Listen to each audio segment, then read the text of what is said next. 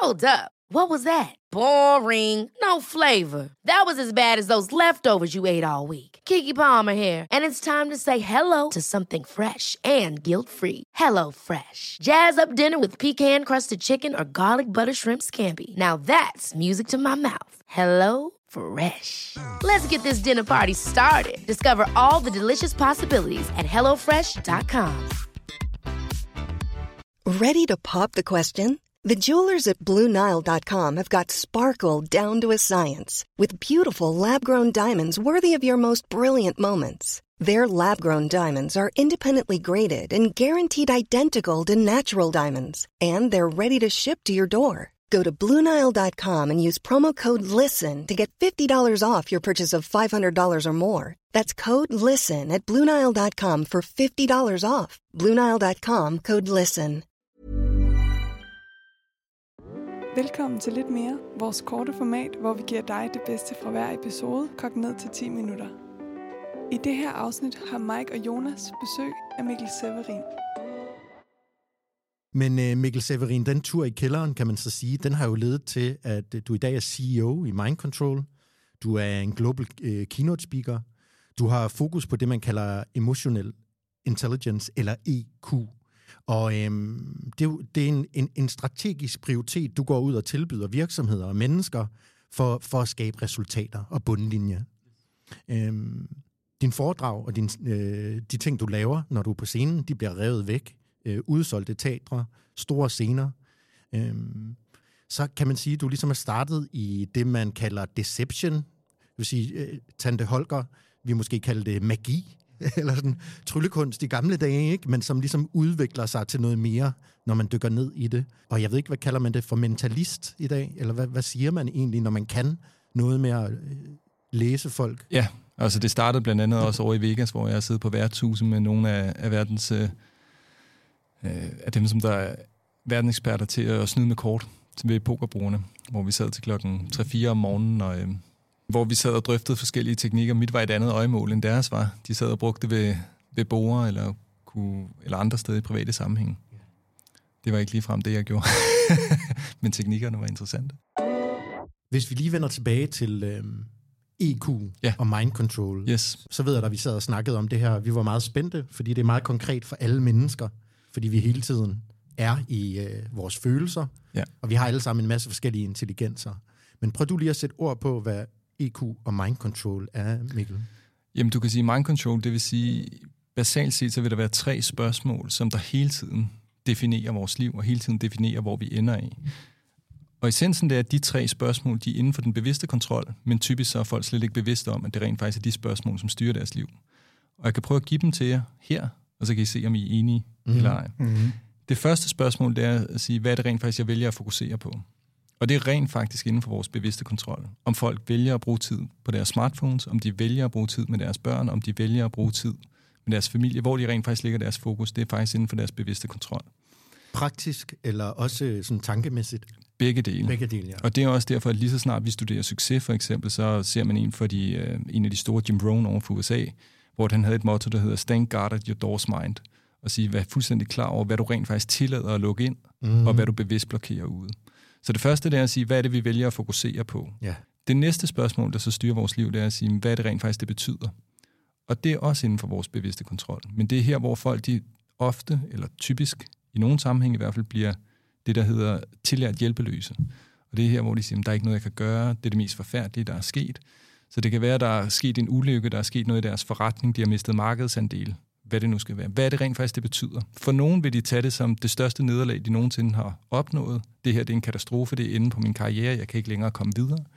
For andre, de vil tage det her som en frame og sige, det var ikke særlig fedt, der var sket. Men hvordan kan jeg vende det her til, at jeg nu kommer et endnu bedre sted hen, end jeg allerede var? Mm. Og det tredje spørgsmål, som der så vil styre os, det er at sige, hvad vælger jeg så at gøre? Så i tilfældet med forretningen, vælger jeg så at dreje nøglen rundt? Eller er det nu, at jeg begynder at vælge at ringe til 100 forskellige andre mennesker, høre, hvad vi har af kontakter, høre, hvad vi har af fællesskaber? Hvor er det, jeg skal udvikle? Hvor skal jeg dygtiggøre mig? Hvad det nu måtte være. Så de tre spørgsmål, de vil være styrende for os.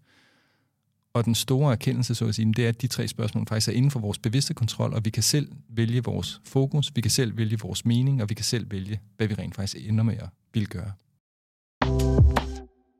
Du, øh, nu har du været sammen med os i 20 minutter. Hvordan har du, øh, hvordan har du læst mig og Mike? Hvordan har du afkodet os? Det, som stort set alle går til step one, det er at sige, hvordan kan vi se, om folk lyver? Og, udgår, øh, eller hvad hedder det? og det, der er det store problem, det er, at det er der, hvor vi sidst skal starte. Fordi at forestil dig nu, at vi var i en verden, eller et bestyrelsesrum, eller en direktion, hvor det ikke var nødvendigt. Forestil dig nu, at vi bare var et sted, hvor folk rent faktisk ikke holdt tilbage, og bare sagde, hvad de havde på hjertet. Så det spørgsmål, som vi skal starte med, det er ikke nødvendigvis, hvordan er det, vi afkoder folk. Det er at sige, hvordan er det, vi kan få skabt et rum, hvor det sådan set ikke er nødvendigt, hvor alle folk bare kan være trygge i at sige, hvad det rent faktisk er, som de skal sige. Klart. Det er også derfor, vi finder den samme grundpræmis for, om en, en folkeskoleklasse kommer til at skabe gode resultater, om et sportsteam, om en virksomhed, mm. om en offentlig institution. Det er de samme grunddynamikker, det er de samme ting, der karakteriserer top 1%, fordi det er menneskelige dynamikker. Så det første skridt, det er, at vi skal have skabt et rum, hvor folk rent faktisk har lyst til at sige, hvad de har på hjertet. Og så kan man sige, hvordan går vi så over i afkodning? Der vil være specifikke ting, som vi ser efter. Der er det, der hedder paralingvistisk adfærd, og det er brugen af stemme. Der er specifikke... Altså, hvor rolig den er, mm. eller hvor nærværende den er, eller hvor hurtigt den taler, eller... Det vil være nogle af de karakteristika, ja. men stemmen den vil afsløre, det er den hurtigste måde, at folk vil afsløre sig selv på, om de er vrede, om de er stressede, om de er deprimerede, om de er energifyldte.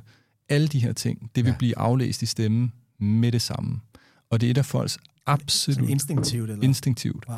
Og det er et af folks absolut største blind spots. Så når jeg er ude med mine ledere, hvor vi, vi blandt andet ser på, hvad der karakteriserer dårlige lyttere, og de kan skrive karakteristika ned, der er ikke en eneste gang, hvor folk de nævner stemmeføringen.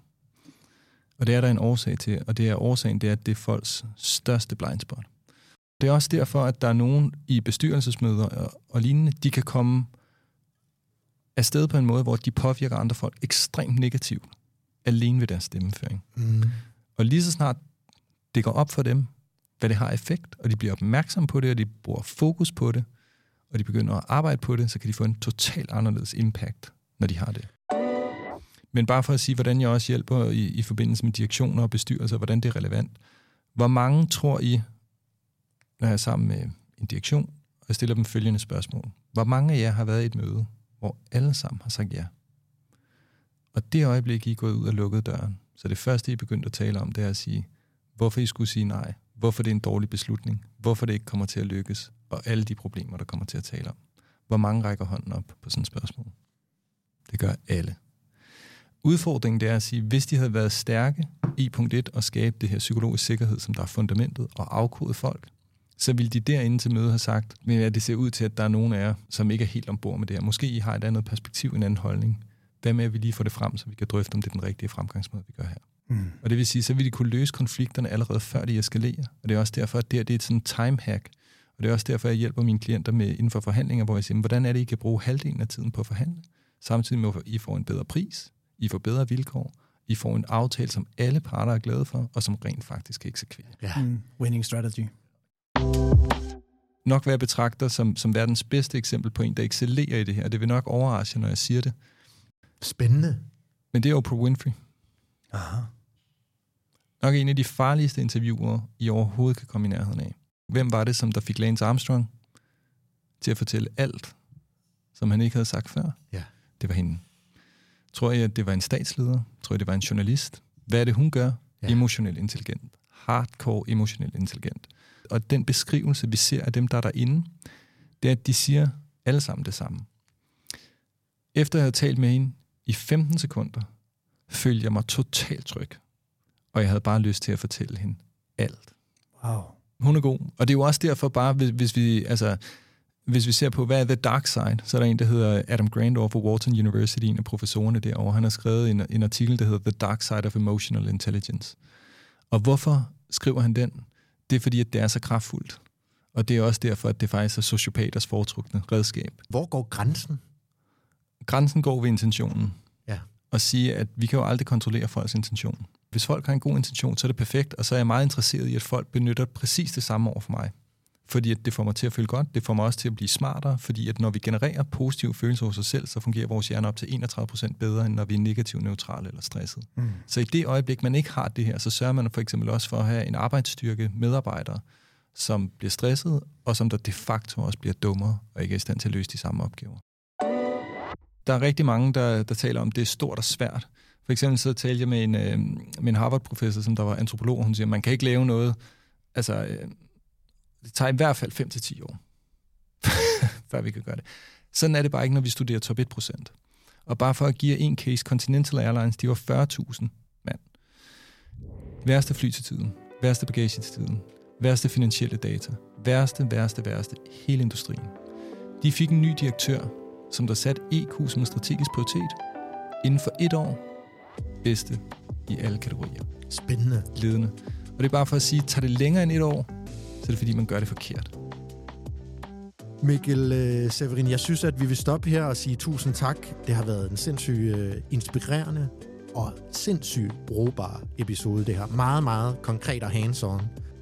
Helt fantastisk, Mikkel. Tusind, tusind tak, for du gad at komme forbi og, og dele Jamen, ud det er mig, der takker, og hvor er det mega sejt, det I har lavet. Tak skal du have. Tak skal du have, Mikkel. Vi lyttes ved.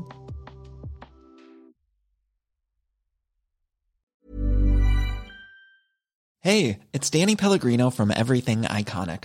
Ready to upgrade your style game without blowing your budget? Check out Quince. They've got all the good stuff shirts and polos, activewear, and fine leather goods, all at 50 to 80% less than other high end brands. And the best part? They're all about safe, ethical, and responsible manufacturing. Get that luxury vibe without the luxury price tag. Hit up quince.com slash upgrade for free shipping and 365 day returns on your next order. That's quince.com slash upgrade. Ever catch yourself eating the same flavorless dinner three days in a row? Dreaming of something better? Well, HelloFresh is your guilt-free dream come true, baby. It's me, Kiki Palmer. Let's wake up those taste buds with hot, juicy pecan-crusted chicken or garlic butter shrimp scampi. Mm. Hello Fresh. Stop dreaming of all the delicious possibilities and dig in at HelloFresh.com. Let's get this dinner party started.